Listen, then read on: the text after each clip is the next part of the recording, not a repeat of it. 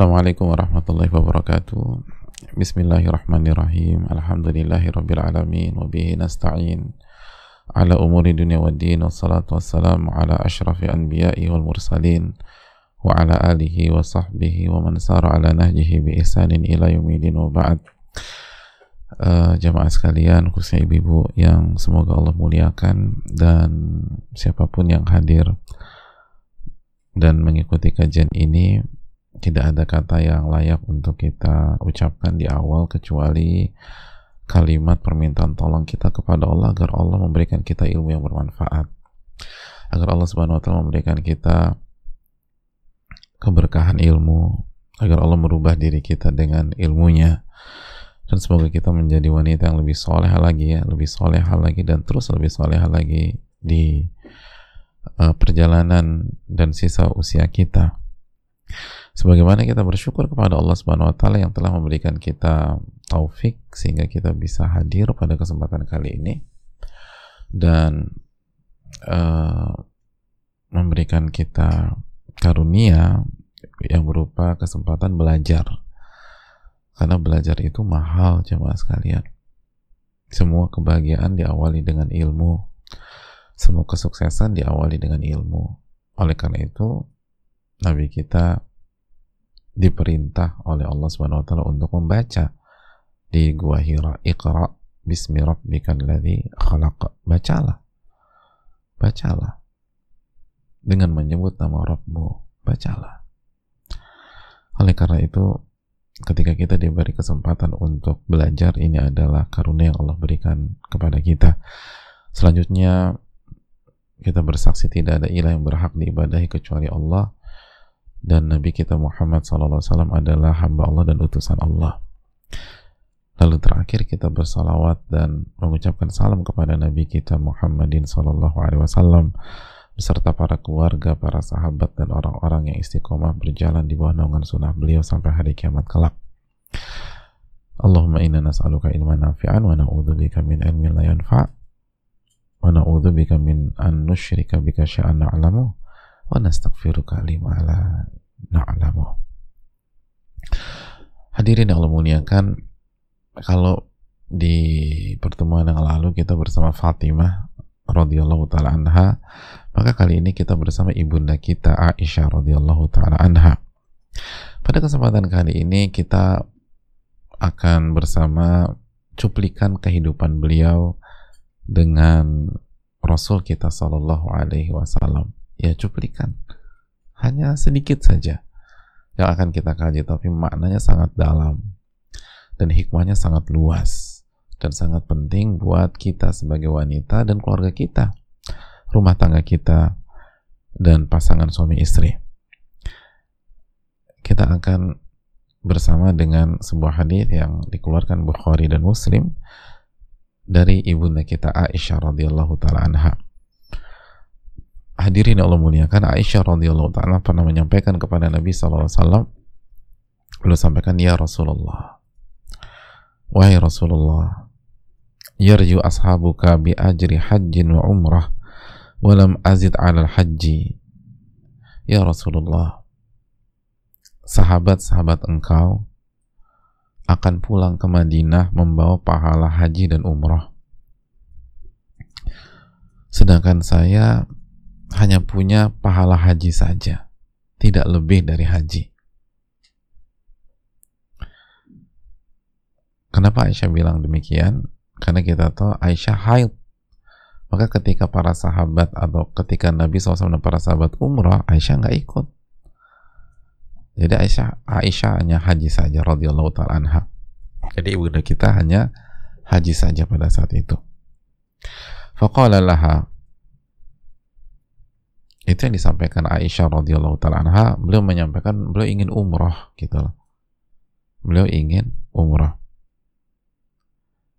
jadi maksudnya beliau ingin umrah faqala laha idhabi lalu Nabi SAW sampaikan kepada Aisyah pergilah. Umrahlah wal yurdifki Abdurrahman. Dan kamu harus ditemenin. Siapa yang nemenin Abdurrahman. Fa'amara Abdurrahman an yu'miraha minat tan'im.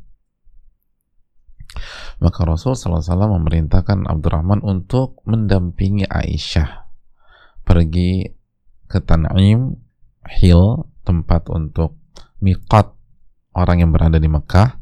Fantadharaha Rasulullah SAW bi'a'la Makkah hatta ja'at. Lalu Rasulullah SAW menunggu Aisyah di dataran tinggi kota Mekah sampai Aisyah pun tiba. Jadi eh, pergi ke Tan'im Tan'im balik lagi ke Haram untuk umrah. Ya.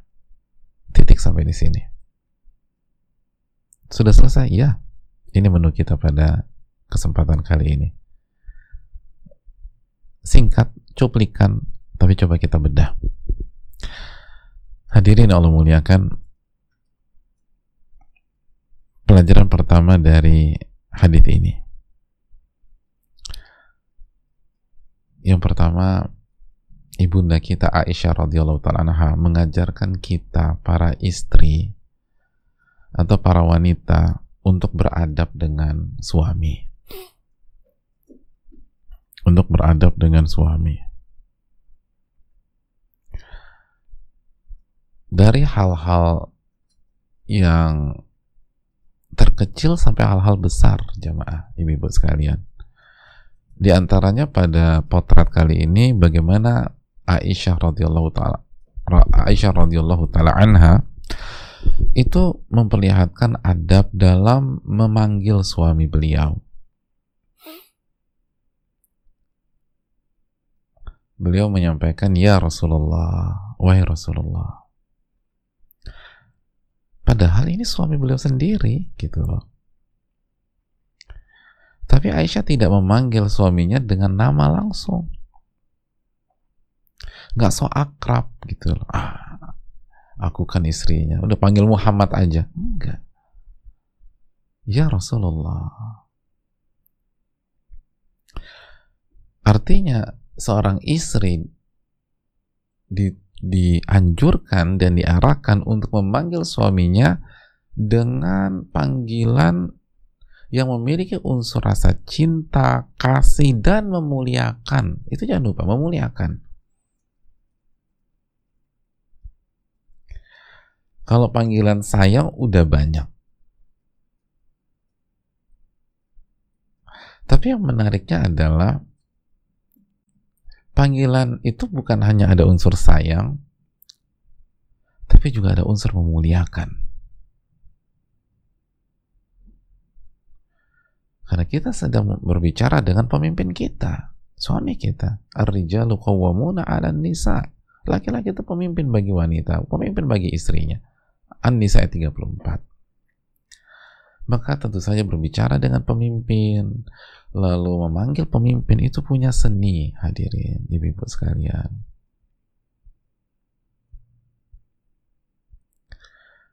Makanya kalau kita perhatikan bagaimana istri-istri Nabi SAW memanggil beliau Alaihi yang notabene suami mereka itu semua pakai adab. Ya Nabi Allah seperti Ummu Salamah. Ya wahai Nabi Allah. Ya Rasulullah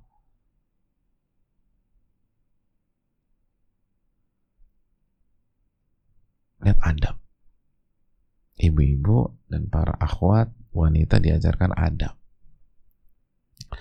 Bagaimana berinteraksi dengan suami. Dan opening itu penting. Dan kadang-kadang kita lupa dengan ini. Dan sebagian istri itu karena teman lama ya teman SMA misalnya atau teman kampus. Dari teman main sampai terus jadi suami istri. Akhirnya panggilannya panggilan teman main. Ada nggak? Banyak.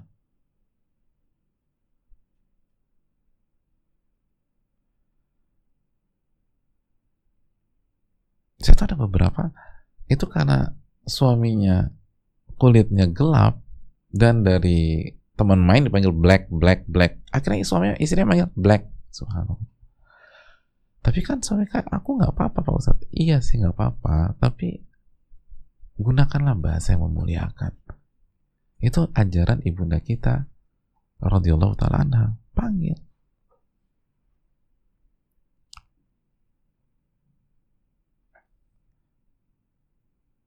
itu yang perlu kita camkan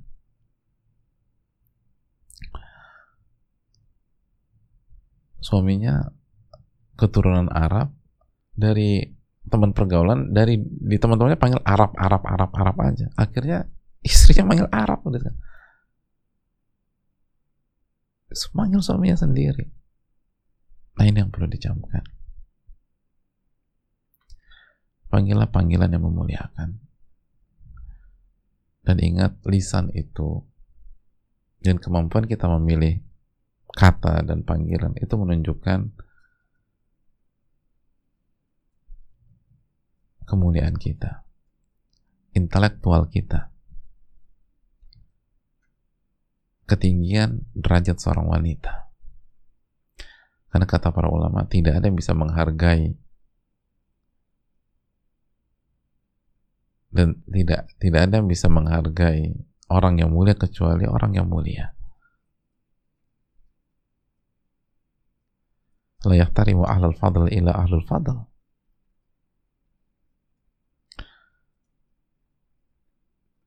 jadi ingatlah selalu. Itu yang pertama.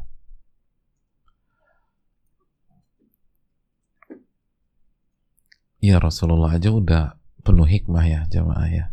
Itu baru nama panggilan. Yang beda ya kalau kita langsung belajar dari orang-orang terbaik seperti Aisyah radhiyallahu taala yang kedua,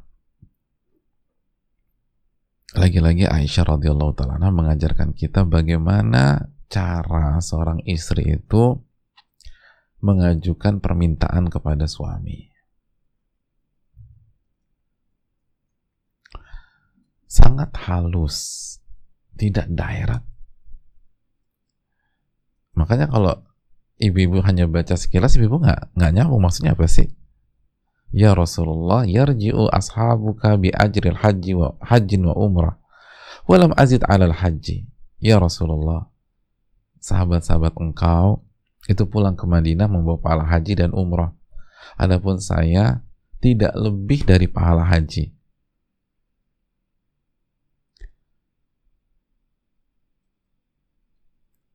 Banyak kita mungkin nggak ngerti maksudnya apa ya Ustadz ya. baru ketika guru kita atau seorang ustadz menjelaskan gini loh ibu-ibu Aisyah waktu itu nggak umroh bersama rombongan karena beliau haid. Maka tanggal 8 beliau langsung masuk ke haji.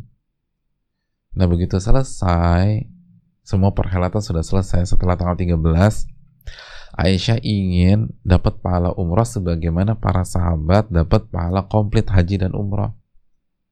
Maka Aisyah minta tolong kepada Nabi SAW untuk diizinkan bisa umroh sebelum pulang ke Madinah. Tapi karena bahasa beliau tidak to the point, tidak tajam, akhirnya kita butuh keterangan guru kita atau ustadz kita untuk memahami hadis ini. Karena Aisyah melambung ya Rasulullah sahabat-sahabat kau kan pahalanya komplit aku tuh cuman punya haji aja enak ya nggak ada kalau pokoknya aku mau ha aku pokoknya aku mau umroh pokoknya aku mau umroh titik pokoknya aku mau umroh ya nggak ada bahasa begitu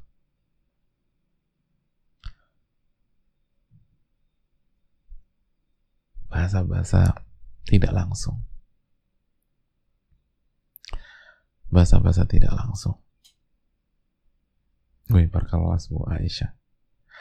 Makanya kita tuh suka bingung ada orang nyinyirin Aisyah radhiyallahu taala anha karena dianggap masih kecil atau masih remaja. Coba dia baca Aisyah dan coba bandingkan kedewasaan Aisyah dengan dia gitu loh. Coba bandingkan kematangan Aisyah radhiyallahu taala anha dalam menyikapi suami, dalam menyaya, dalam melayani suami, dalam bicara dengan suami dengan kita wanita yang usianya udah 20 tahun, 30-an tahun, 40-an tahun dalam menyikapi suami. Dalam bicara dengan suami. Siapa di antara kita, kita yang 30, 40 misalnya, mungkin ada yang 50, yang punya kemampuan komunikasi dengan suami seperti Aisyah radhiyallahu taala anha. Allahu akbar.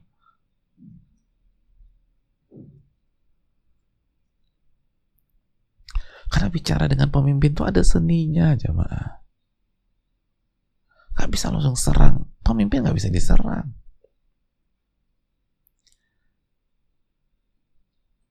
Pemimpin merasa diserang, dibalikin deh. Berantakan semuanya.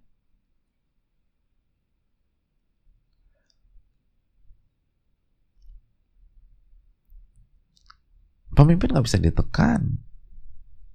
Bukan cara, bukan begitu caranya. Yarji ashabuka bi ajri hajin wa umratin walam azid alal hajj.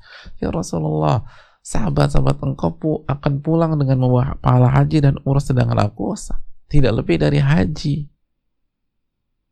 Artinya aku pengen umrah ya Rasul gitu.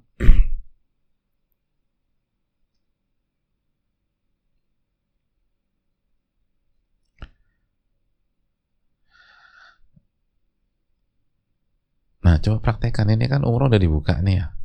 Nah, kita-kita punya rezeki itu yang pengen umroh, gimana cara bicaranya sama suami? Pokoknya kita harus daftar. Harus daftar. Besok harus daftar. Atau, aduh, aku lihat di TV tadi tuh, sebagian saudara-saudara kita udah dapat pahala umroh tahun ini. Sedangkan kita belum ya Pak ya. Pak Ustadz suamiku itu nggak mudeng. Nanti dia tinggal tidur kalau aku ngomongnya cuma begitu. Ya harus sabar lah. Emang kendala sebagian ibu-ibu udah berusaha tampil cantik udah berusaha bicara cantik eh nggak direspon sama suaminya. Beda sama Nabi SAW makanya ini pelajaran berikutnya lihat Nabi SAW faqala laha idhabi wal yurdifki Abdul uh, Abdurrahman. Kata Nabi SAW oke okay, pergilah. Tapi kamu harus didampingi oleh Abdurrahman ya. Abdurrahman itu saudaranya Aisyah radhiyallahu taala makanya kata Nabi SAW, eh, kata para ulama lihat bagaimana akhlak Nabi SAW kepada istrinya Aisyah radhiyallahu taala anha. Nggak dipersulit. Nggak ribet Kata lam yastafsil an Nabi ma'a Aisyah. Dan Nabi itu nggak nyecar. Mengapain sih? Buatnya apa sih? Nanti kamu sama siapa? Nanti ini gimana? Langsung. Langsung. Di, di benak Nabi langsung diaturin. Oke, pergilah. Nanti Abdurrahman kawal kamu. Makanya kata Allah, "Walam yadkhul ma'aha fi hiwarin tawil, la jadwa minhu." Dan suami yang baik tidak gampang masuk ke perdebatan dengan istrinya. Atau nggak masuk ke uh, apa pembicaraan pembicaraan-pembicaraan panjang yang ada gunanya. Bel mubasyarah, tapi langsung aja. Istri mau apa, manfaat, bagus, positif, udah dukung.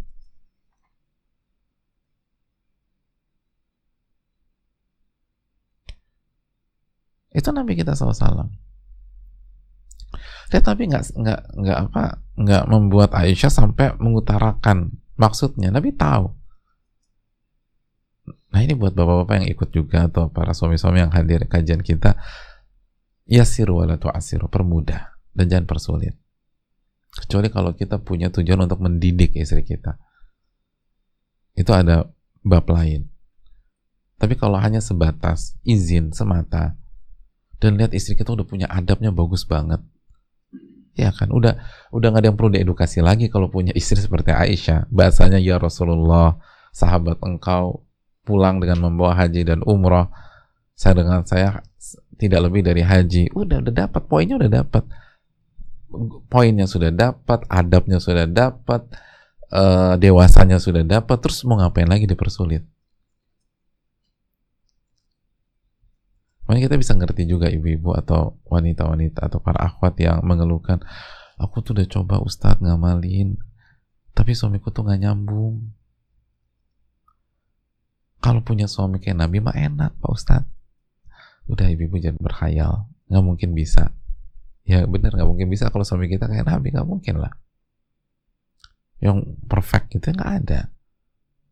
Kita semua banyak kekurangan tapi sekarang siapa yang mau melangkah lebih dulu itu dulu lah siapa yang mau lebih dewasa lebih matang untuk mengawali sebuah perubahan di rumah tangga kita.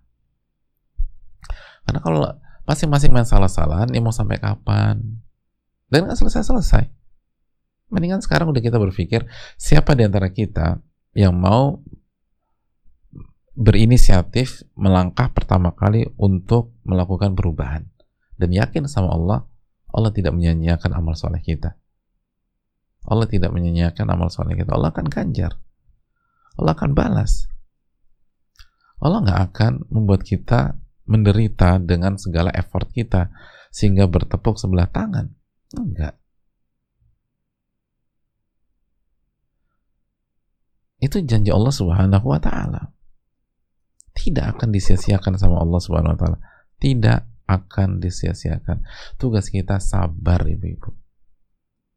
Tugas kita sabar. Masih ingat surat Hud ayat 115? wasbir fa innallaha la yudhi'u ajral muhsinin dan bersabarlah maka Allah tidak akan menyanyiakan ganjaran orang-orang yang berbuat baik bersabar nggak direspon coba lagi nggak direspon coba lagi nggak direspon coba lagi tapi ini udah bulan ke-6 nggak direspon respon Ustaz coba lagi. Kan kata Allah sabar. Sabar tuh kan ngebatu. Kita udah bahas tentang sabar di Redus udah ngebatu aja dulu. Aku udah kepengen ngejawab. Namanya gak sabar. Sabar itu kan secara bahasa nahan tahan deh. Coba terus. Allah gak akan sia-siakan. Insya Allah Allah kasih perubahan. Fa inna Allah la yudhi'u ajral muhsinin. Sabar sabar sabar sabar emang gak mudah kita bisa ngerti kok gak mudah gak mudah jadi istri Gak mudah jadi wanita jika menghadapi suami atau pemimpin yang uh, yang nggak pengertian, yang ego, yang nuntut terus haknya. Ini semua menambahkan suami seperti Nabi SAW. Tapi kan kita tahu Aisyah radhiyallahu taala kualitasnya kayak begini. Kita juga nggak berkualitas seperti Aisyah kan gitu aja. Allah kan nggak zolim. Jadi mulailah dengan diri kita. Mulailah dengan diri kita.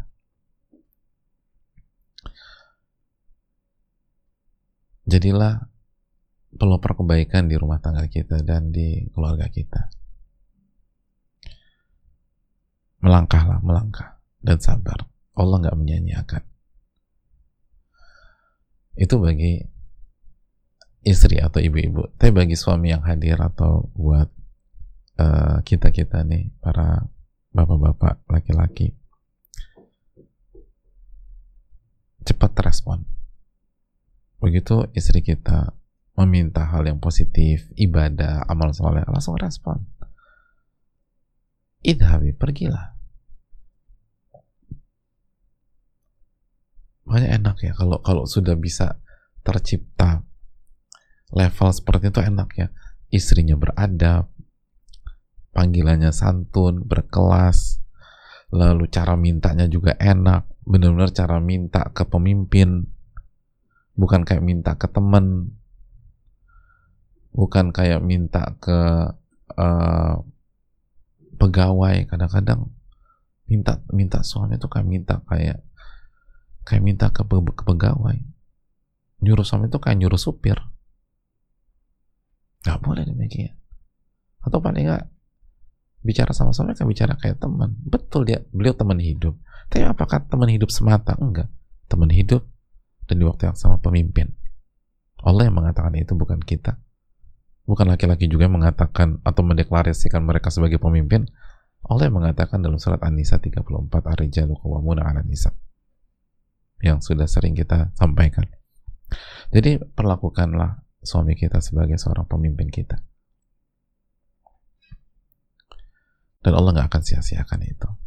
Insya Allah Allah kasih hasil. Lalu berikutnya pelajaran yang bisa kita petik dari pembicaraan singkat pasangan suami istri yang begitu luar biasa ini. Hadis ini memberikan pelajaran kepada kita bahwa seorang suami itu senantiasa berusaha menjaga istrinya. Tugas suami menjaga istri. Lihat bagaimana Nabi SAW cepat banget ya ngaturnya. Oke boleh pergi Abdurrahman dampingi kamu.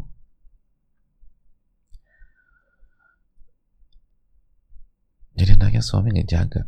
Dan setelah itu lihat Nabi SAW standby. Fantadaraha Rasulullah. Tapi ketika Nabi SAW tidak bisa mengawal istrinya karena kita tahu bersama pada saat itu tuh haji wada dan itu terakhir kali Nabi SAW di kota Mekah dan itu perhelatan akbar terakhir Nabi dengan para sahabatnya sallallahu. Jadi event terakhir Nabi dengan para sahabat, perhelatan terakhir Nabi dengan para sahabat, kebersamaan Nabi dengan seluruh para sahabat dengan sebuah momen besar yang terakhir dan sekaligus kebersamaan Nabi yang terakhir dengan kota Mekah adalah pada saat haji wada.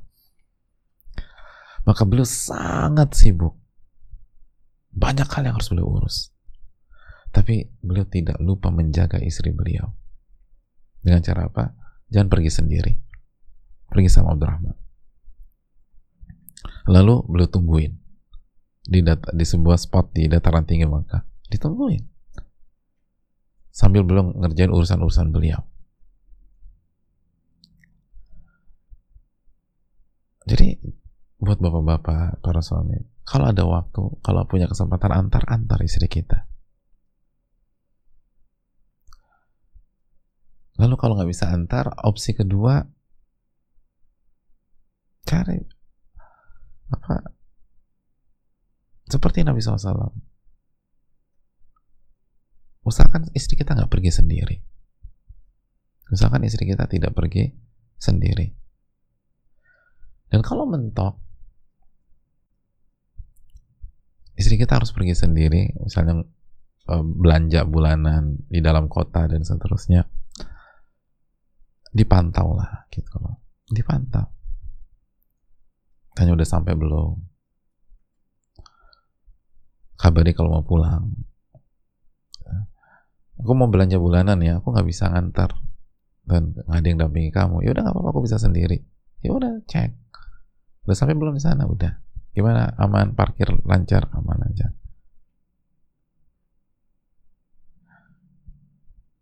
Jadi diperhatikan seperti itu. Jangan ditinggal. Jangan ditinggal, dijaga. Kita ambil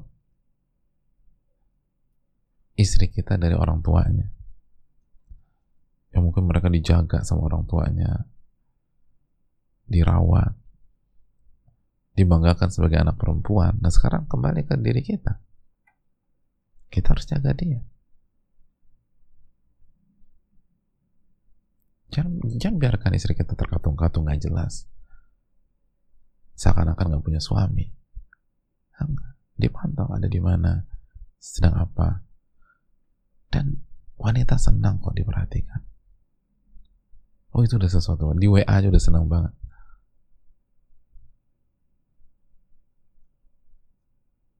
dia merasa suaminya mengkhawatirkannya oh itu berbunga-bunga walaupun kita nggak pernah kasih bunga itu senang banget mereka jadi berikanlah penjagaan dicek diatur.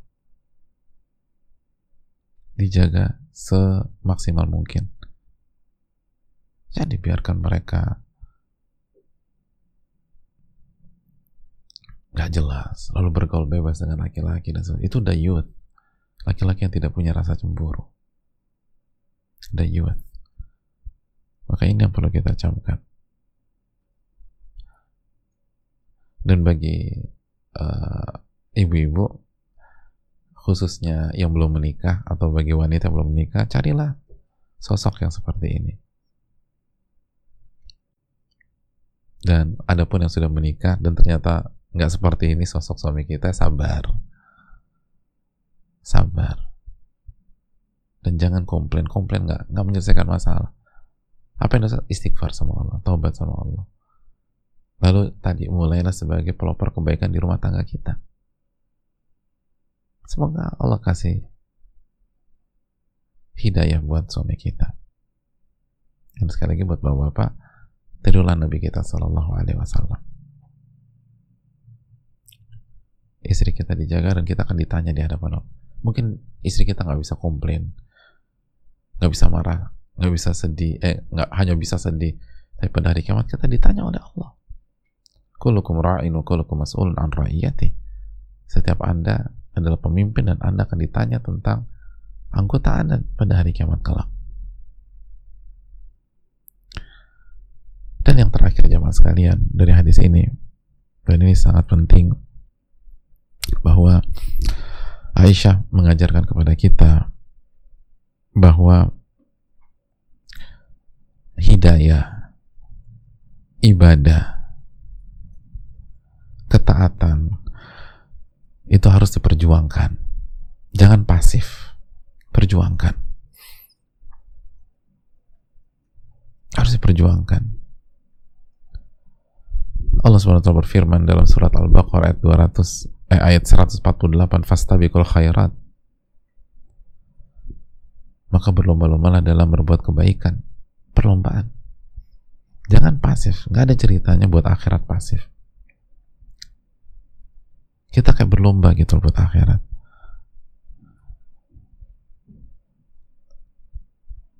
untuk akhirat itu Allah berfirman surat Al-Mutaffifin ayat 26 wa fi dzalika falyatanafasil mutanafisun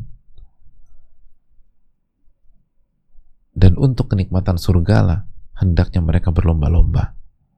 Hendaknya mereka bersaing. Wa fi dzalika falyatanafasil mutanafisun. Untuk kenikmatan surga, hendaknya orang-orang beriman itu berkompetisi, bersaing. Bersaing sehat, bukan bersaing hasad atau dengki atau iri, bukan. Lihat bagaimana Aisyah radhiyallahu taala anha ketika merasa beliau baru mengantongi pahala haji saja sedangkan yang lain haji dan umrah Beliau tidak tinggal diam, beliau tidak pasif. Beliau action, beliau maju, beliau meminta kepada Nabi SAW, meminta kepada suaminya dengan penuh adab, nggak diam, nggak betul istri harus nurut, tapi bukankah istri boleh berjuang? Betul istri harus uh, ngikutin suami, tapi lagi-lagi bukankah istri boleh berusaha? Selama caranya baik, lihat Aisyah berjuang dan caranya sangat elegan. Itulah seorang istri, berjuang gitu. Itulah seorang wanita. Wanita boleh lebih lemah secara fisik dari laki-laki, tapi semangat juang, mental, jiwa patriotnya belum tentu kalah dong. Perjuangkan, perjuangkan, perjuangkan. Makanya jamaah sekalian ibu sekalian sebagian para ulama mengatakan begini bahwa hidayah ibadah adalah sunnah sesuatu yang harus diperjuangkan sesuatu yang harus diperjuangkan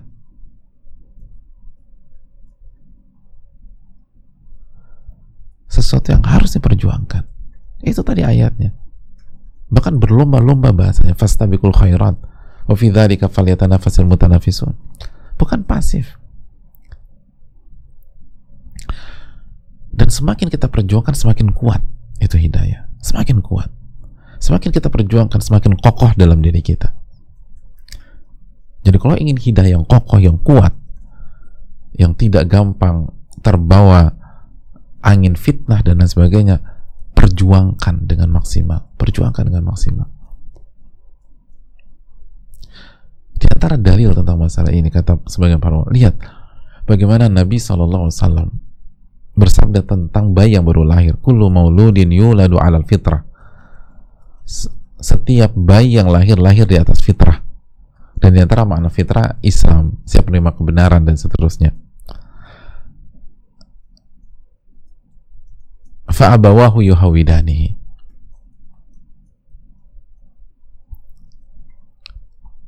maka kedua orang tuanya menjadikan dia Yahudi au yunassiranihi au yumajisanihi atau menjadikan dia Nasrani atau menjadikan dia Majusi. Jadi setiap bayi yang lahir lahir di atas fitrah. Dan di antara maknanya sebagai ulama mengatakan Islam. Tapi apakah hadis ini berhenti? Enggak. Atau apakah hadis ini titik sampai di sini? Tidak. Berhenti sampai di sini? Tidak. Ada kelanjutannya. Maka kedua orang tuanya lah yang menjadikan mereka sebagai Yahudi, Nasrani, dan Majusi. Sebagian ulama mengatakan menarik nih jamaah sekalian. Lihat bagaimana ketika hidayah itu diberikan tanpa ada usaha, maka kondisinya sangat lemah. Hidayah itu lemah. Saking lemahnya, dengan mudah dihilangkan dan diganti oleh orang tua kita sendiri orang terdekat kita. Bukan orang jauh ya. Bukan musuh kita ini orang terdekat kita bisa ganti itu. Dan tanpa perlawanan. Tanpa perlawanan. Kenapa demikian? Karena didapat tanpa ada perjuangan. Begitu lahir kan kata Nabi fa'abawah yuhawidanihi. Lahir atas betul lahir atas fitrah. Tapi dengan cepat orang tuanya merubah mereka jadi Yahudi, jadi Nasrani dan Majusi. Kan didapatkan tanpa ada perjuangan. Maka hilangnya pun juga gampang dan tanpa ada perlawanan sama sekali.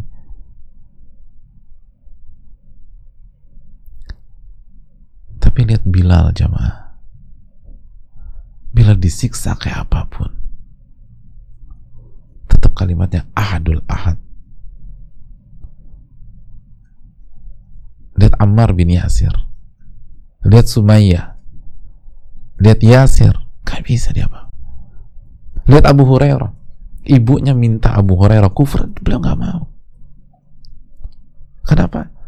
karena mereka dapat hidayah dengan berjuang. Dengan perjuangan Beda dengan bayi. Bayi diajak ke mana aja mau. Anak dia karena dia mendapatkan hidayah tanpa ada perjuangan. Nggak ada yang nolak. Orang tuanya ateis dia akan ateis. Tapi lihat Salman. Salman dirantai sama bapaknya kabur dia. Nggak mau. Kenapa? Karena didapat dengan perjuangan. Makanya ibu-ibu sekalian kalau ingin hidayah kita kokoh di dalam hati kita jika ingin hidayah itu kokoh di dalam sanubari kita perjuangkan hidayah. Perjuangkan hidayah. Semakin kita berjuang mendapatkan hidayah itu akan semakin kokoh dan gak gampang terombang ambing kita akan kokoh sebagaimana Sumaya kokoh sebagian orang mengatakan wanita itu pelin pelan pelin pelan nggak jelas tapi tidak bagi Sumaya. Nggak ada pelin pelan tuh. Sampai disiksa kayak apa pun tetap aja di atas taufik dan hidayah. Karena diperjuangkan.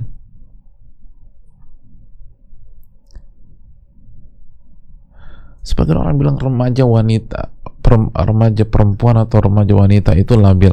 Itu tidak berlaku di Aisyah radhiyallahu taala karena berjuang. Dan kita tahu bagaimana perjuangan Aisyah. Beliau sudah melewati banyak banyak perjuangan. Di antaranya ketika fitnah hadiatul ifki. Lihat bagaimana perjuangan Aisyah mempertahankan hidayahnya.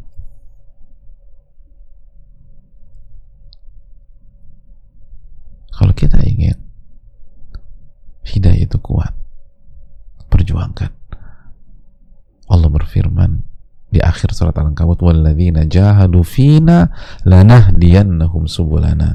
Barang siapa yang bersungguh-sungguh berjuang di atas jalan kami baru kami kasih petunjuk menuju jalan tersebut.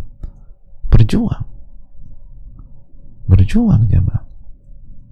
Jangan lemah. Allah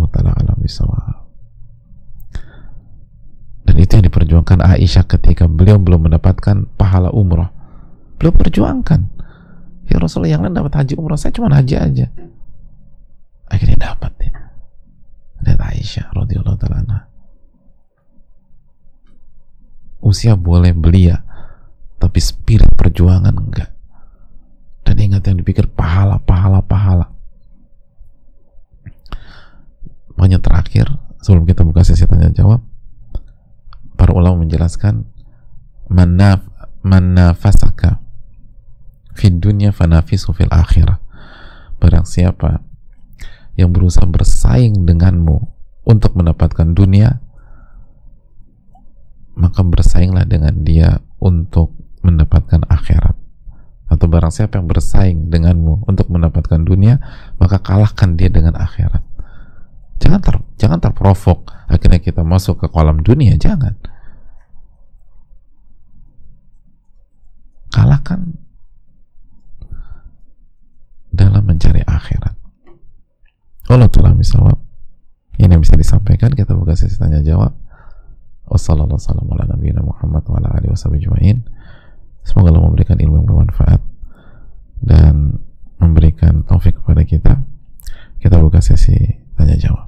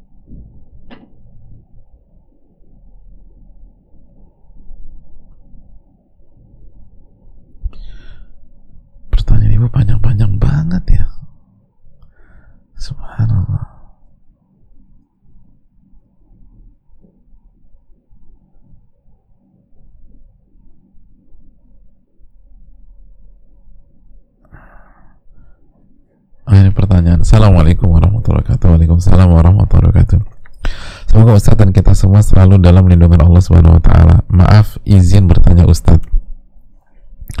Bagaimana cara menghadapi istri yang kadang dengan hal sepele suka ngomel-ngomel nggak jelas Ustaz? Mungkin di saya hal sepele, tapi kalau di istri hal hal yang nggak sepele. Mohon penjelasannya Ustaz ya Kayaknya ini bapak-bapak nanya ya yang curhat. Bagaimana cara menghadapi istri yang kadang dengan hal sepele suka ngomel-ngomel nggak jelas? Uh, Damai sekali yang Allah muliakan uh,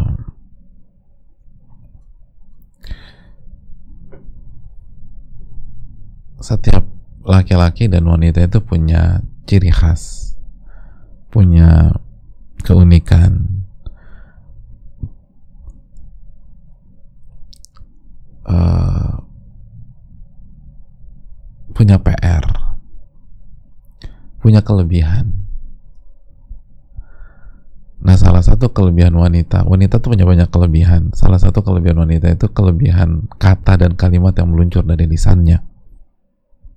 Ya, nama halus dari agak-agak banyak bicara. Uh, menyikapi lisan wanita itu bukan dengan mentafsirkan setiap kata bapak-bapak dan uh, para ikhwan. Tapi dengan iltimasul uzur memberikan uzur kepada istri kita. Dan itulah sabda Nabi Wasallam. Kan Nabi katakan wa khuliqatil mar'atu min dila. Manusia itu diciptakan dari tulang rusuk atau tulang yang bengkok dan kata Nabi yang paling bengkok itu yang paling atas. Dan di antara makna yang paling atas itu lisannya. Jadi kasih uzur lah. Itu wanita. Dan jangan di direspon. Bahkan sebagian ahli hikmah mengatakan begini lisan dan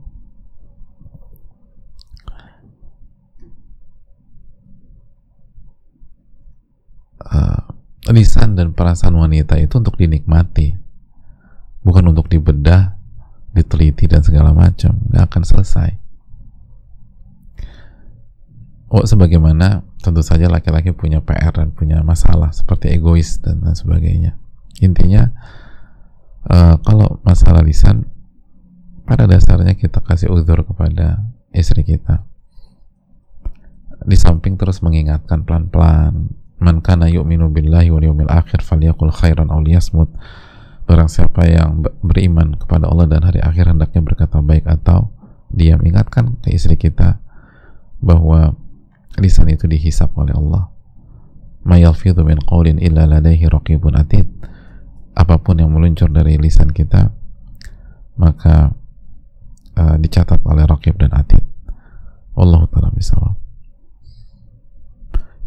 Pertanyaan panjang sekali ya, tapi Oke saya bantu jawab ya karena panjang begini berarti ngetik ngetiknya capek ya. Coba kita hargai yang beliau mengetik. Assalamualaikum warahmatullahi wabarakatuh Ustadz. Semoga Allah selalu lindungi dan limpahkan kesehatan, rahmat dan hidayahnya kepada Ustadz, kru dan seluruh umat Islam Muslim. Amin ya rabbal alamin. Ustadz saya ingin bertanya Saya seorang istri yang sudah menikah sekitar 2 tahunan. Pernikahan kami sampai hari ini belum diketahui oleh keluarga suami karena orang tuanya tidak setuju dengan saya karena alasan perbedaan suku dan katanya setelah ke orang pintar saya menggunakan sihir dan lain sebagainya. Nauzubillah. Jadi beliau dituduh menggunakan sihir.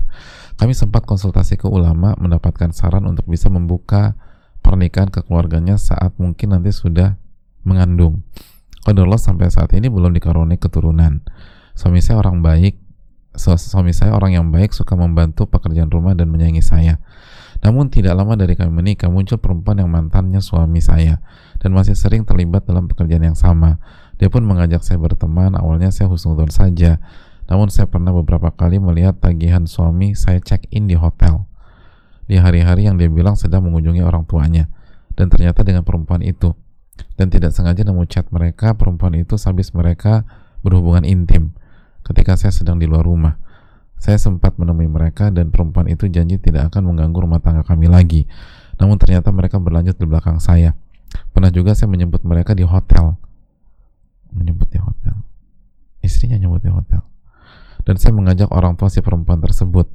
Tapi tidak lama suami saya malah memperkenalkan perempuan itu ke keluarganya sebagai calon sebagai calonnya dan mendapatkan lampu hijau. Menurut si perempuan, suami saya tidak rela kalau perempuan itu menikah dengan orang lain hati saya hancur sekali Ustadz.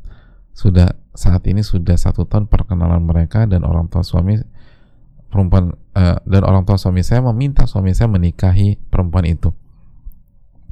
Suami saya saat ini hanya pulang ke rumah satu weekend dan dia sudah tinggal bersama dengan perempuan itu yang lokasinya tidak jauh dari rumah kami. Saya pernah bicara serius dengan suami dan berkata hanya ingin berbakti kepada orang tuanya karena surganya di sana saya pernah berbicara serius dengan suami, dia berkata hanya ingin berbakti dengan orang tuanya.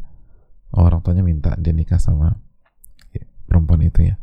Karena surganya di sana. Saat ini caranya diminta dengan menikahi perempuan itu. Dia tidak mengajak kami berpisah, tapi jika saya tidak kuat dengan keadaan seperti ini, saya bisa minta pisah. Selama ini saya tidak banyak membahasnya Ustadz karena takut suami saya malas membahasnya, saya kecewa. Uh, saya kira suami saya belum cukup siap untuk poligami baik secara finansial dan lain-lain. Karena setiap hari hari-hari untuk kebutuhan di rumah lebih besar saya yang mencukupi. Tapi suami saya selalu berdalih bahwa rezeki nanti pasti ada aja dari Allah. Mohon saran dan nasihat Ustadz apa yang harus saya lakukan?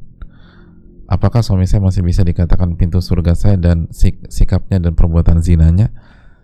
Atau lebih baik saya mencoba ikhlas dan memulai kehidupan yang baru meskipun amat berat apa saya harus membuka perlahan pernikahan kami ke keluarga suami saya? Sebelumnya suami saya tidak pernah mau karena kami pasti diminta bercerai. Bagaimana saran Ustaz tentang hukum rencana pernikahan yang diawali dengan zina? Jazakallah khairan atas pertanyaannya. Ya, yang pertama panjang. Semoga Allah memberikan taufik kepada ibu yang bertanya. Uh, atas uh, masalah ini dan yang pertama yang perlu kita ingatkan bahwa buat ibu-ibu yang lain bersyukurlah kepada Allah Subhanahu wa taala ketika kita tidak mengalami pernikahan seperti ini. Bersyukurlah kepada Allah. Bersyukurlah kepada Allah ketika walaupun suami kita mungkin banyak kekurangan tapi suami kita tidak berzina atau tidak dengan sengaja tinggal dengan wanita lain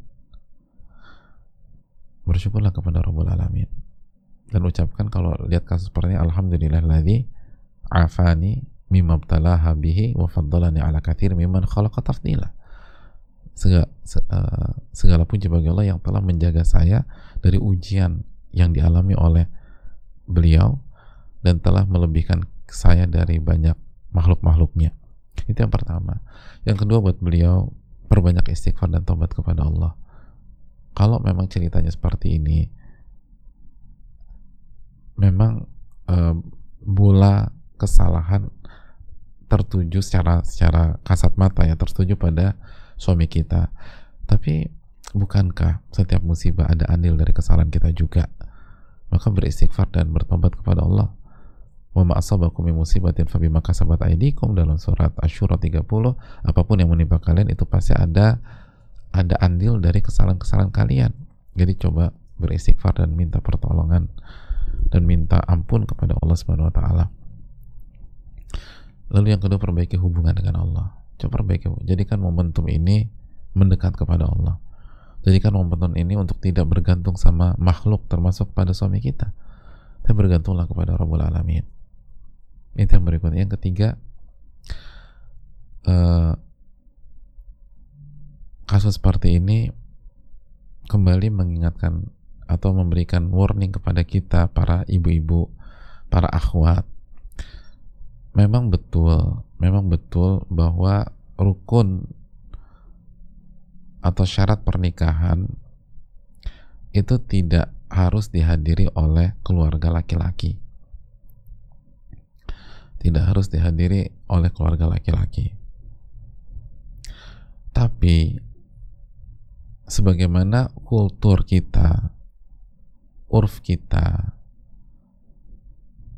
bahwa pernikahan itu melibatkan keluarga dari kedua belah pihak. Dan itu salah satu uh, faktornya adalah untuk menjaga dari kasus-kasus seperti ini gitu loh. Karena kalau misalnya apa kita menikah tanpa diketahui misalnya keluarga laki-laki atau nanti nikah siri atau yang nggak ada yang tahu kecuali kita. Kasus di luar itu mayoritas yang dirugikan itu wanita. Yang dirugikan itu wanita.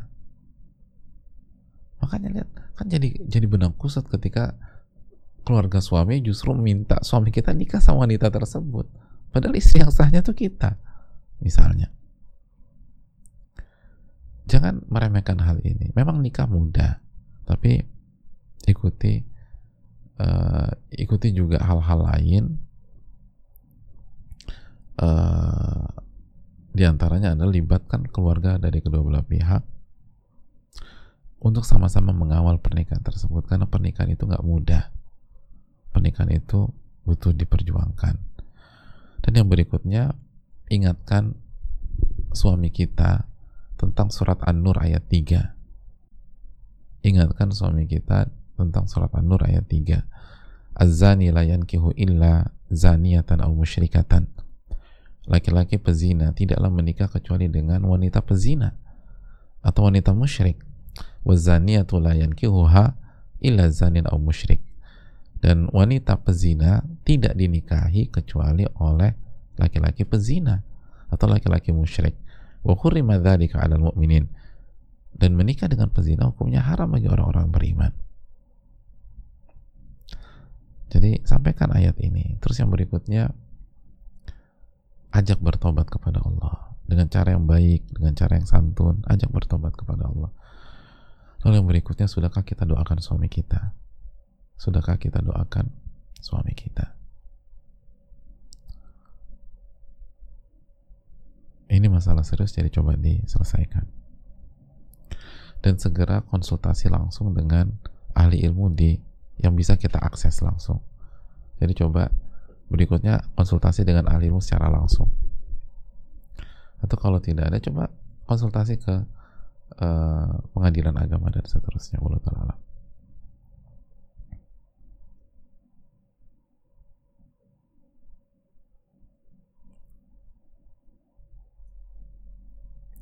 Assalamualaikum warahmatullahi wabarakatuh Waalaikumsalam warahmatullahi wabarakatuh Semoga Ustadz, keluarga, tim, dan seluruh umat muslim Selalu dalam lindungan dan rahmat Allah subhanahu wa ta'ala Amin ya rabbal alamin Izin bertanya Ustadz Apabila hati tiba-tiba merasa sedih karena sering tergelincir ke dalam dosa, rasanya pengen menangis tapi air mata tidak bisa keluar. Apakah ini termasuk tanda kerasnya hati? Uh, mohon nasihatnya Ustaz Jazakallahu. Ini tanda apa ya?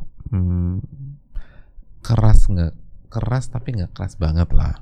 Kenapa demikian? Karena kita ma masih merasa sedih ketika tergelincir ke dosa.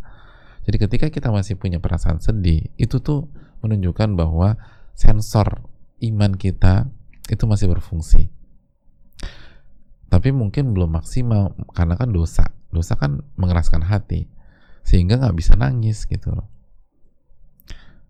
padahal nangis itu penting dalam masalah ini nangis penyesalan makanya kan kata para ulama taubat itu air mata atau batu dumo taubat itu air mata uh, penyesalan. Jadi uh, itu hal yang penting. Allah taala bisa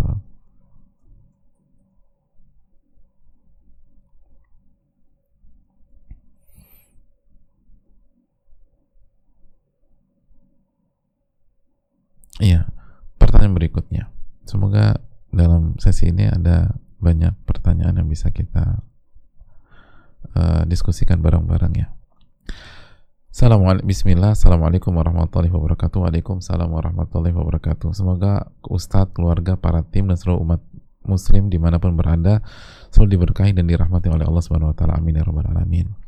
Afan Ustadz ingin bertanya Anak seorang akhwat Bagaimana jika ada seorang ikhwan yang tidak anak kenal datang ke rumah menemui ayah Ana dan menyampaikan keinginannya untuk melamar Ana Kemudian ayah Ana memanggil Ana untuk menemui ikhwan tersebut Lalu bagaimana Ana harus bersikap Apakah boleh Anda menemui ikhwan tersebut sedangkan keluarga Anda belum mengenal sunnah dan belum mengerti apa itu ta'aruf? Bagaimana Anda mengetahui kualitas ikhwan itu? Apakah diperbolehkan jika Anda langsung yang bertanya tentang seputar akidahnya dengan tetap ditemani mahram sang ayah? Syukran Ustazana jazakallahu khair barakallahu fikum fikum barakallah. Coba uh, ibu-ibu sekalian dan para akhwat yang pertama hati-hati dengan ta'aruf.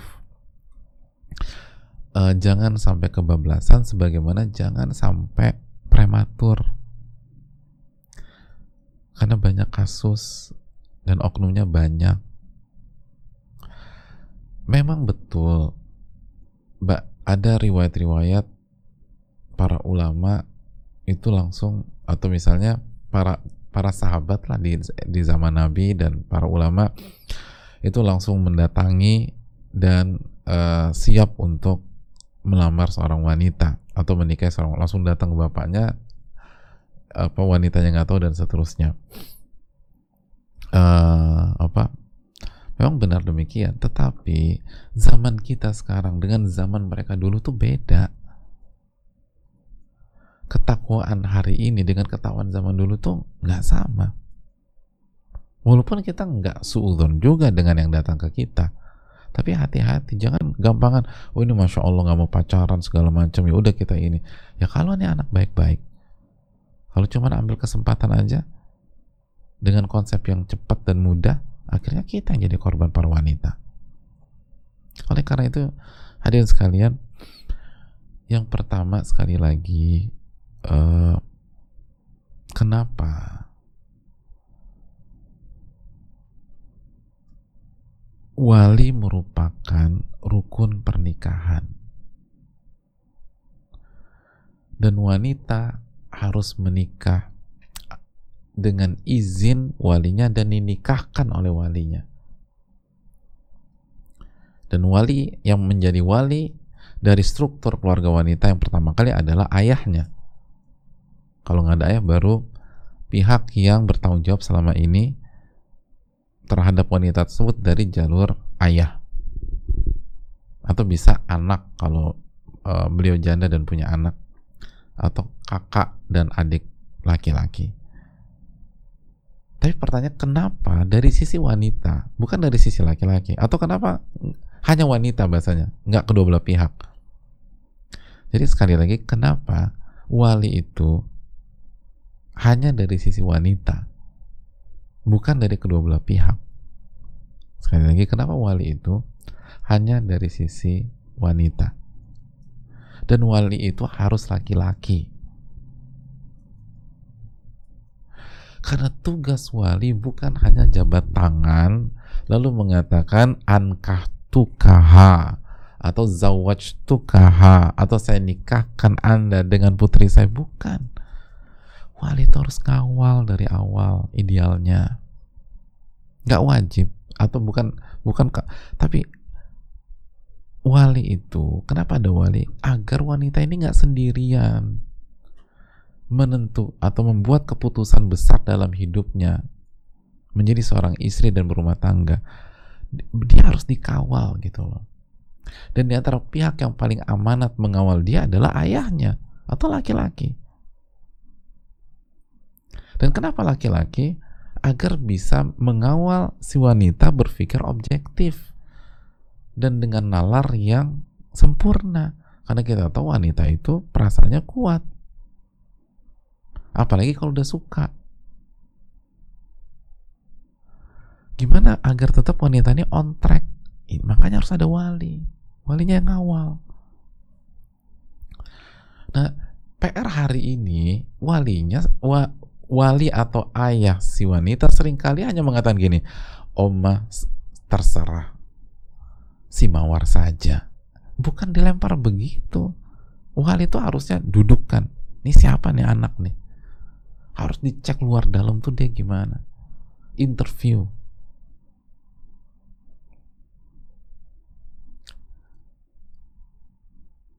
Pastikan apa yang disampaikan itu kenyataan itu jamaah sekalian. Datang ke rumah kita bawa BMW pastikan itu BMW dia atau minjem. Jangan cuma branding image aja. Ternyata bukan punya dia. Gitu. Dia cuma punya sepeda ontel. Walaupun punya sepeda ontel nggak tercela tapi kan berarti kan ada penipuan di sini. Ini cek dulu. Itu mobil anda? Iya STNK bisa lihat. Gitu masya Allah ada nggak sih begitu? BPKB BPKB emang harus gitu? Ya nggak harus tapi jelas harus dicek lah. Tinggal di mana? Datengin rumahnya. Samperin. Orang tua kamu tahu kamu datang ke sini ingin minang anak saya? Oh tahu om. Bisa saya telepon dengan ayah kamu? Jadi dicek pastikan jaga putri-putri kita, jaga kakak perempuan kita, jaga adik perempuan kita. Jaga ibu kita kalau ibu kita janda dan ingin menikah. Gak bisa sembarangan. Langsung kita serahkan. Betul. Tidak ada proses pacaran. Tapi bukan main gampang aja. Dikawal. Nah kalau pertanyaan boleh nggak kalau saya bicara sama ikhwannya? Boleh. Tapi tidak tidak berkholwat dan itu udah udah bagus tuh didampingi ayah kita bicara cek akidahnya gimana konsep hidupnya gimana iba, konsep ibadahnya seperti apa. Dan bukan hanya nanya akidahnya aja itu intinya se, tanya sebanyak mungkin tentang orang ini. Dan pastikan datanya valid A1 dan wali kita bergerilya ngecek sana ngecek sini. Ini siapa nih orang? Jangan main serahin aja.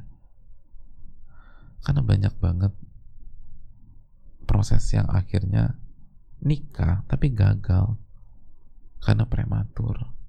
Dan oknum tuh banyak terus terang. Oknum tuh banyak yang niatannya mohon maaf hanya ingin meniduri para wanita yang percaya dengan konsep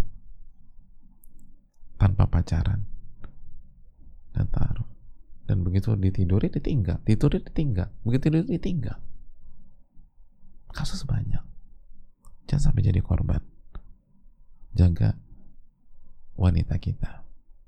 Allah taala misawab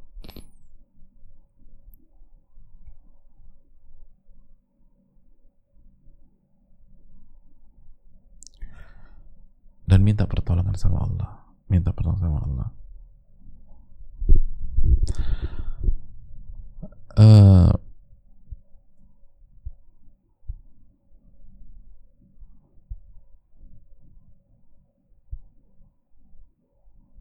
Bismillahirrahmanirrahim. Izin titip pertanyaan untuk Ustadz. Assalamualaikum warahmatullahi wabarakatuh. Waalaikumsalam warahmatullahi wabarakatuh. Semoga Ustadz, keluarga muslim dan muslimat selalu dalam rahmat dan taufik Allah subhanahu wa ta'ala. Amin ya rabbal alamin. Ustadz izin bertanya bagaimana menyikapi suami yang ketahuan berbohong? Kadang bohong hal-hal sepele seperti dia pergi ke mana sama siapa. Apalagi beliau tahu saya ada yang nggak suka sama beberapa temannya. Karena saya tahu temannya ini kurang baik dan takut mempengaruhi Takut membawa pengaruh buruk untuk suami saya. Jadi saya agak bawel dan suka auto pasang muka masam. Kalau dia pergi sama teman-temannya yang itu. Alhasil mungkin ini yang menyebabkan beliau bohong. Apakah saya bersalah karena saya mencari tahu dan memantau tentang teman-teman suami melalui akun sosial media?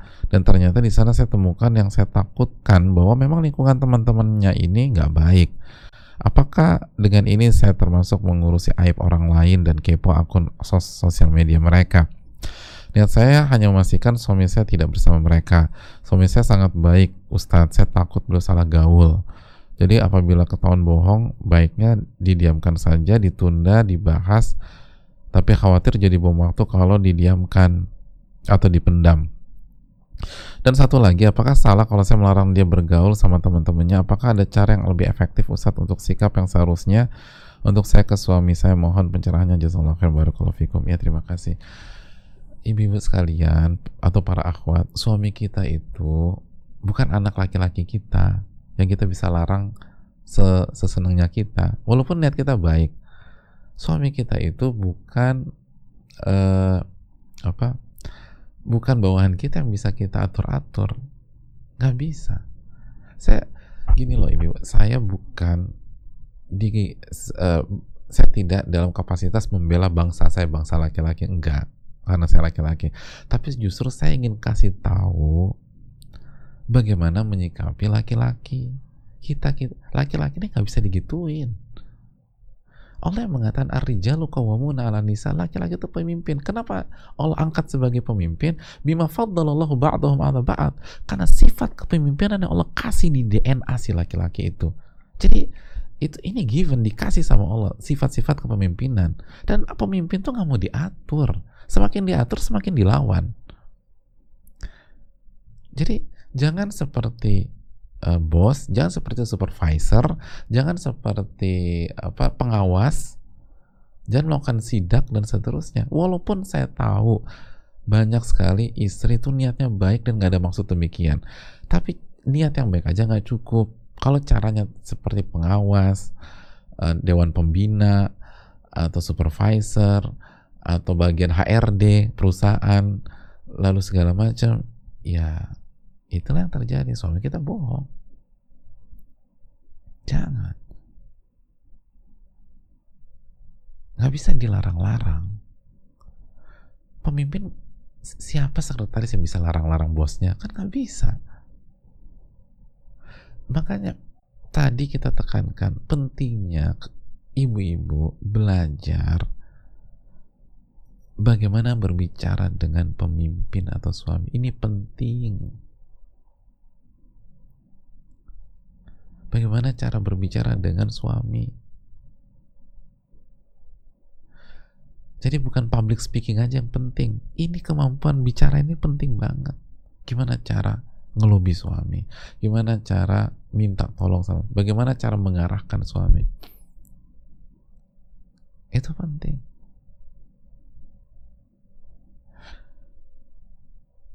Eh, ibu sekalian,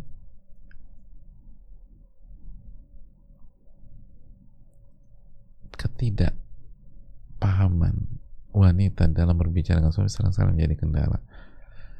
sebagaimana kita sepakat banyak laki-laki pun nggak paham perasaan wanita dan nggak mengerti bagaimana menyikapi wanita. Jadi sebenarnya sama aja. Banyak laki-laki nggak paham bagaimana menyikapi wanita dan banyak wanita nggak paham bagaimana berbicara dengan laki-laki. Dan Aisyah menunjukkan contohnya kepada kita. Walaupun ini dalam konteks meminta izin ya gitu loh untuk umroh kalau ini kan beda lagi ini uh, meminta agar dia nggak berga suami kita nggak bergaul dengan si A, si B, si C bisa asal caranya harus benar.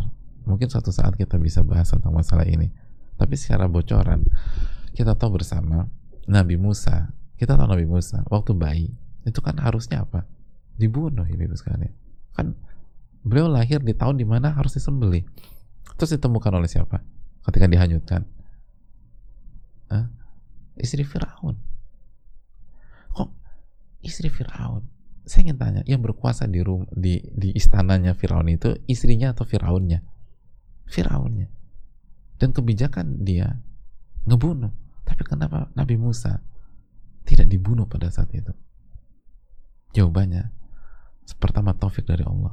Lalu yang kedua kemampuan istri Firaun untuk melobi ke suaminya. Oh jago bu. Dan itu nggak pakai kekuatan nggak pakai ternyata ya selesai bu kalau macam-macam sama Firaun.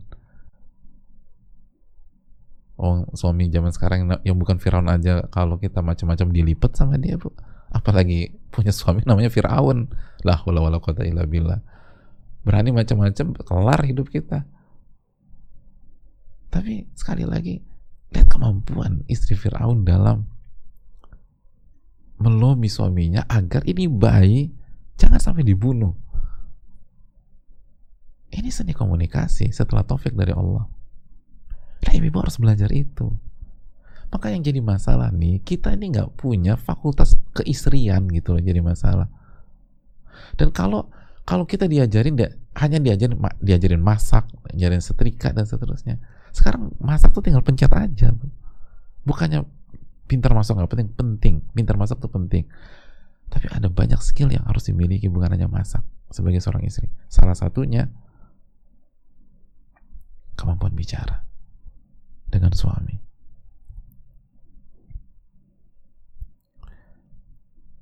Karena laki-laki bisa diluluhkan dengan kemampuan bicara wanita. Bukan dengan otot wanita.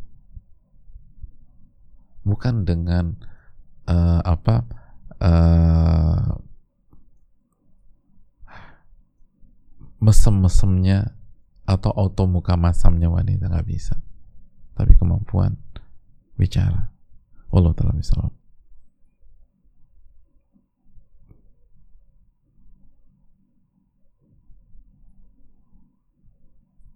Uh,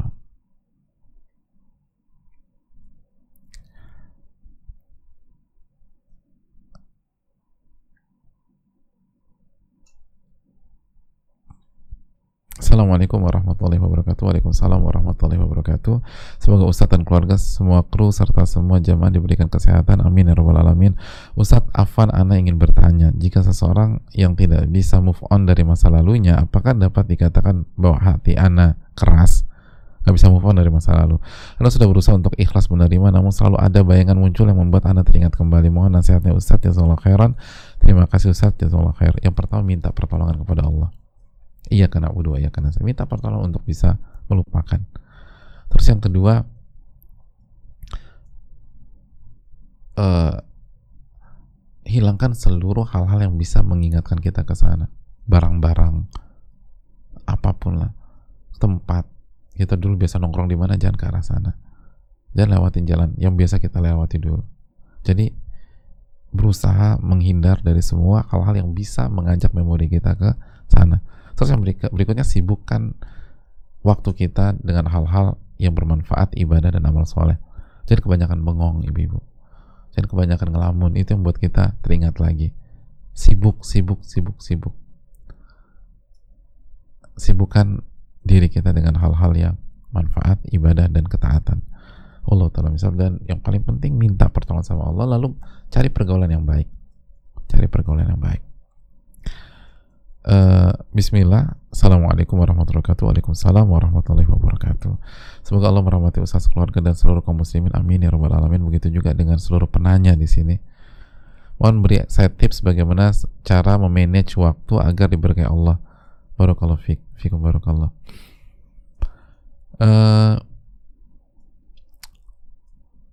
Panjang ini ya, ini satu sesi khusus Tapi paling enggak Yang pertama minta pertolongan deh sama Allah. Benar deh.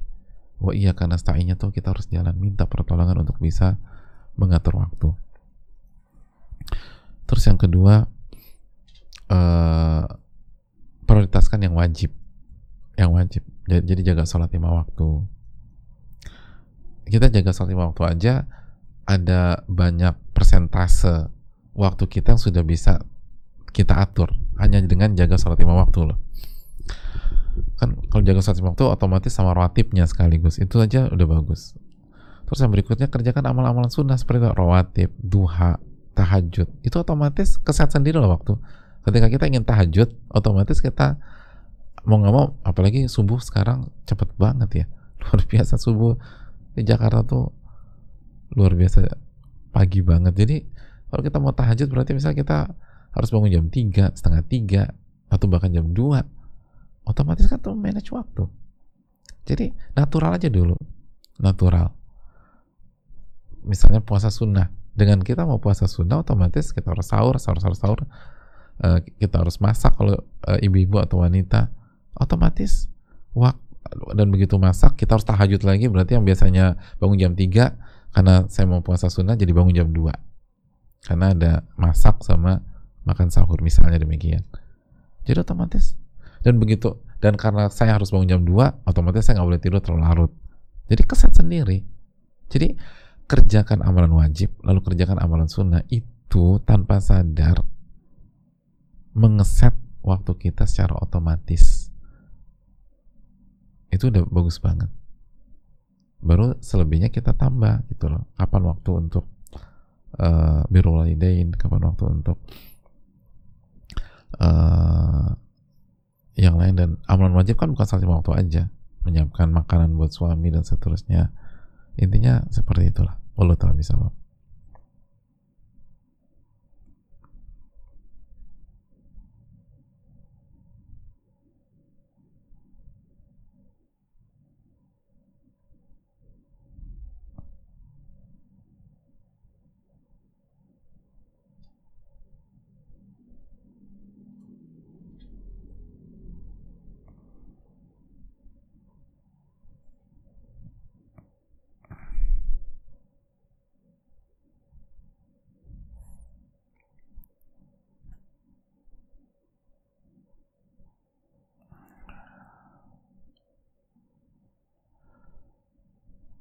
uh,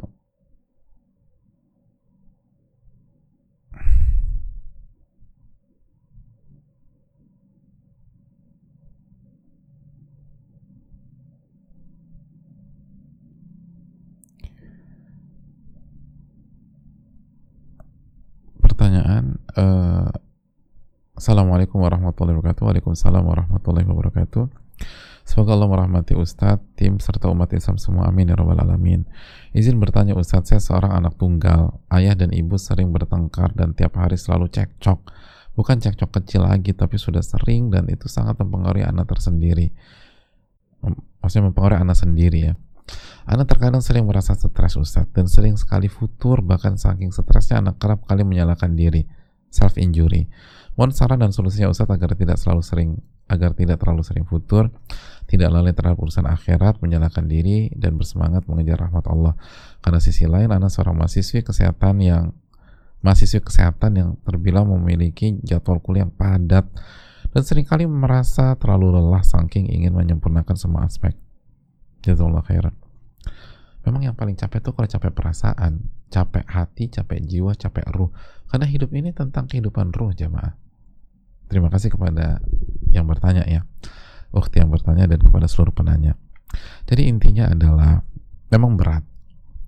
Sangat berat. Karena ini uh, kemungkinan dari kecil. Jadi udah ter, ter, terset itu. Nggak mudah. Maka cara yang terbaik adalah lagi-lagi tadarruk kepada Allah. Perbaiki ibadah. Minta pertolongan. Lalu yang kedua ngaji ngaji ngaji. Maksudnya ikut kajian ikut kajian ikut kajian dan ngaji artinya baca Quran juga. Itu ngebantu khususnya dalam masalah iman. Itu penting. Karena ini udah ini kan udah mengakar ya biasanya kalau begini. Karena dari kecil dia melihat orang tuanya berantem. Nggak mudah. Maka untuk bisa merubah imannya harus kuat. Dan itu pun harus butuh perjuangan dan kerja keras uh, dan jangan salahkan diri kita terhadap apa yang tidak kita lakukan.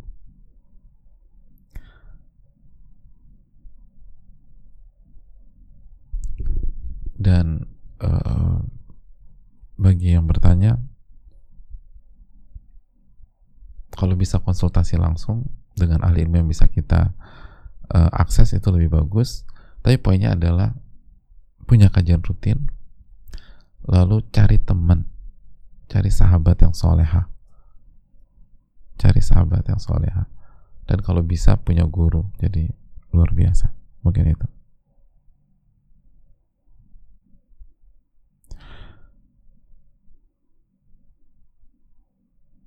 Dan hmm,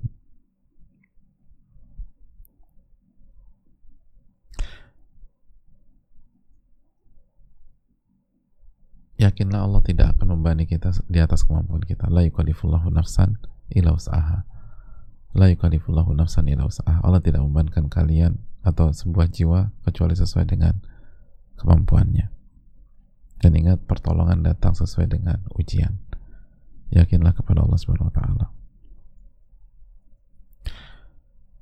Assalamualaikum warahmatullahi wabarakatuh. Waalaikumsalam warahmatullahi wabarakatuh. Semoga Ustadz, keluarga, tim dan umat Islam selalu selalu semua selalu dirahmati oleh amin oleh Allah Subhanahu wa taala. Amin ya rabbal alamin. Izin bertanya Ustadz, mohon nasihatnya agar saya bisa menjadi wanita yang berkualitas dan tidak mudah panik atau gugup dalam berhadapan dengan orang lain. Jazakallahu khairan Ustadz wa iyyakum iya ya wanita tuh suka mules quote in quote gitu ya kalau apa ngadepin segala macam nggak semua memang nggak semua nah kenapa sih kita gampang panik dan gugup itu berarti amalan hati kita bermasalah itu berarti keikhlasan kita bermasalah panik dan gugup itu sering kali karena kita dibebankan sebuah ekspektasi. Simpel aja. Kalau ekspektasinya mencari wajah Allah, maka apa yang perlu digugupi?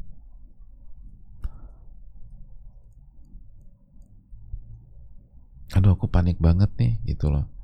Uh,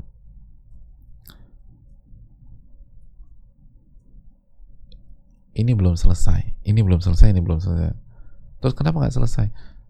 Suamiku tuh sakit.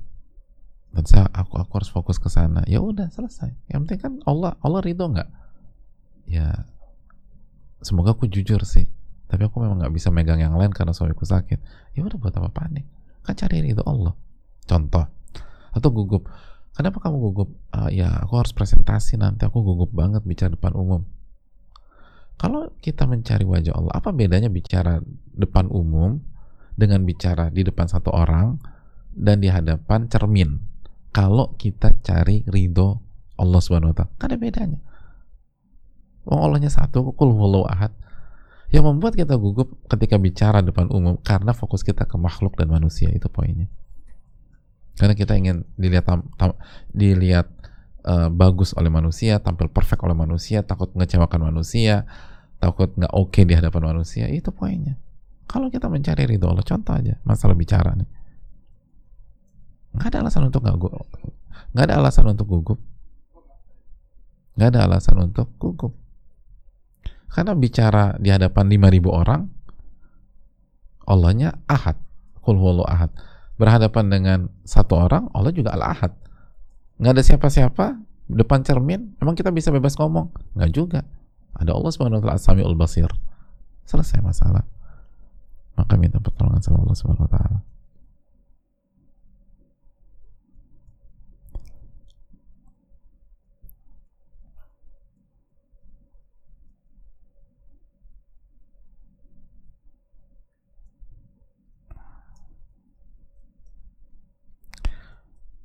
Assalamualaikum warahmatullahi wabarakatuh. Waalaikumsalam warahmatullahi wabarakatuh. Semoga Ustadz beserta keluarga tim kajian seluruh umat Islam di mana pun berada Senantiasa dalam taufik dan keberkahan dari Allah. Amin ya Rabbal Alamin. Begitu juga jangan semua penanya.